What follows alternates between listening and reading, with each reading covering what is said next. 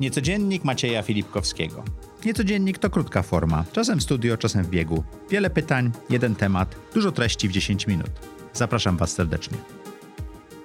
Cześć! Niecodziennie w Niecodzienniku mamy gości, którzy opowiadają nam o swoich lifehackach, o tym jak robią rzeczy lepiej albo przynajmniej jak torują skróty. Często są to goście audycji Zaprojektuj swoje życie i dzisiaj nie jest inaczej. Bartek Pucek. Bardzo mi miło. Chcemy się dowiedzieć, jak Bartek robi to, że jest tak super efektywny każdego dnia bo twoje projektowanie dnia pracy to jest jeden wielki lifehack. To jest... Tak, ta, taka jest moja percepcja, nie musisz się ze mną zgodzić, tak? Myślę, że tak. Znaczy, to jest seria lifehacków, którymi przynajmniej próbuję walczyć z rzeczywistością. I one się za zakumulowały. I tak? one się akumulują. E, czasami... To czy mógłbyś się z nami podzielić? Jasne.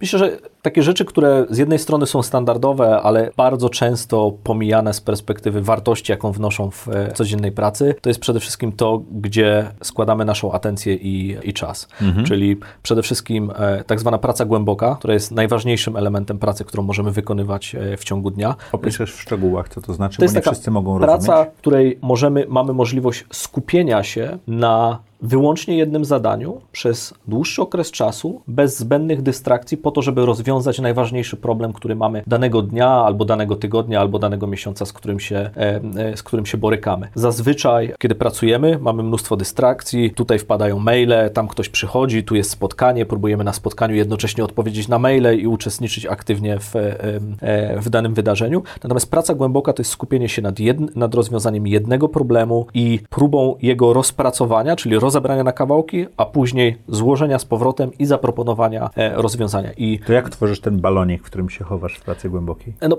najprostszą rzeczą jest przede wszystkim zablokowanie sobie czasu e, w kalendarzu mhm. na to, żeby, e, żeby móc skupić się nad, nad jednym problemem. Ja zazwyczaj podchodzę do tego w ten sposób, że wyznaczam sobie trzy rzeczy, które danego dnia chciałbym rozwiązać i staram się tylko nad nimi... Trzy. Tylko trzy. Tylko okay. trzy. Uważam, że jeżeli będę w stanie rozwiązać trzy danego dnia, co nie zawsze się udaje, ponieważ złożoność tych problemów problemów e, albo impact biznesowy tych problemów może być dużo szerszy, ale staram się e, rozwiązać, wskazać te trzy i spróbować je rozwiązać. Mhm. Więc jedna rzecz to jest ten czas spędzony nad pracą e, głęboką, bez e, e, zbędnych e, dystrakcji. Drugi element, który dla mnie e, robił dużą różnicę, to jest ograniczenie e, ilości spotkań. Większość spotkań prawdopodobnie nie musi się odbyć, czyli można to załatwić drogą elektroniczną, mailowo, Slackiem czy jakimkolwiek innym narzędziem komunikacji, ale najczęściej jest to również związane z tym, że być może organizacja nie stymuluje takiego środowiska, mhm. który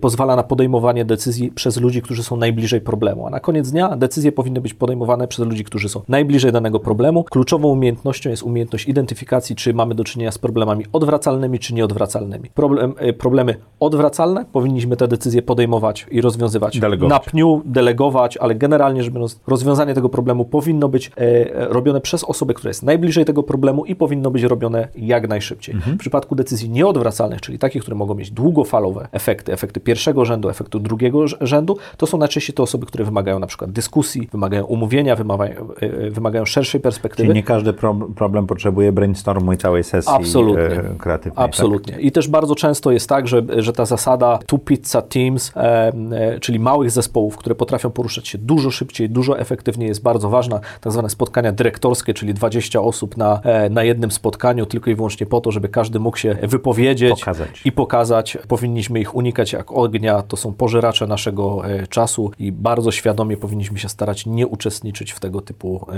e, wydarzeniach. Wracając do Twojej efektywności takiej codziennej, jakich narzędzi używasz, żeby Twój dzień był dobry? Bo Ty pisząc newsletter zbierasz dużo informacji, pracujesz w dużej firmie, e, musisz te informacje sortować z różnych źródeł. W tej, w tej chwili mnogość narzędzi w każdej dziedzinie, czyli którą, z którą mamy do czynienia na co dzień w naszej pracy, w zasadzie jesteśmy w stanie odpowiedzieć, znaleźć narzędzie, które odpowiada problemowi, który nas na co dzień e, mhm. e, Ale mnie interesują Twoje narzędzia i Twoje problemy, bo, bo, bo, bo moje to narzędzia takie bardzo praktyczne chwili, dla mnie. Moje narzędzia to w tej chwili e, Superhuman, e, mhm. czyli narzędzie czyli do e, poczty, e, Vimcal, narzędzie do kalendarza planowania spotkań. Mhm. To w tej chwili Roam Research, to jest narzędzie, które pozwala budować tak zwany second brain, czyli łączyć informacje, notatki, refleksje, wiedzę z różnych różnych dziedzin i łączyć je ze sobą po to, żeby nawiązywać jakby relacje pomiędzy tymi e, elementami. Evernote jest e, aplikacją, która pozwala Ci segmentować informacje w foldery i tagi, Mhm. e, natomiast nie łączyć je ze sobą. E, Natomiast Roam Research jest aplikacją, która funkcjonuje w taki sposób, jak funkcjonuje nasz mózg, w którym rzeczy nie są poukładane w szufladkach, ale są luźnymi tematami, które po prostu są ze sobą powiązane siecią Sznureczków.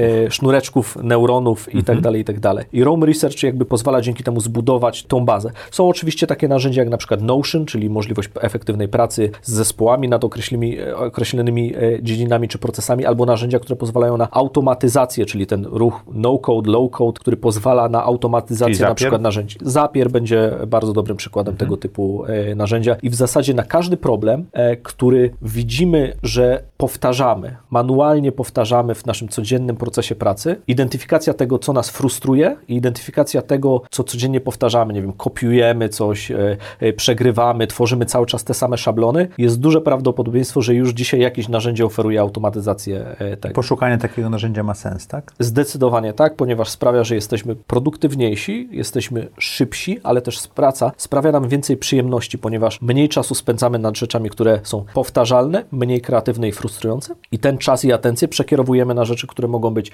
ciekawsze, eksploracyjne, pozwalają nam spędzić więcej czasu nad rzeczami, które nas naprawdę interesują. I być bardziej szczęśliwym. Zdecydowanie. Dziękuję Ci ślicznie. Dzięki. Dziękuję Wam. Mamy lifehack Bartka.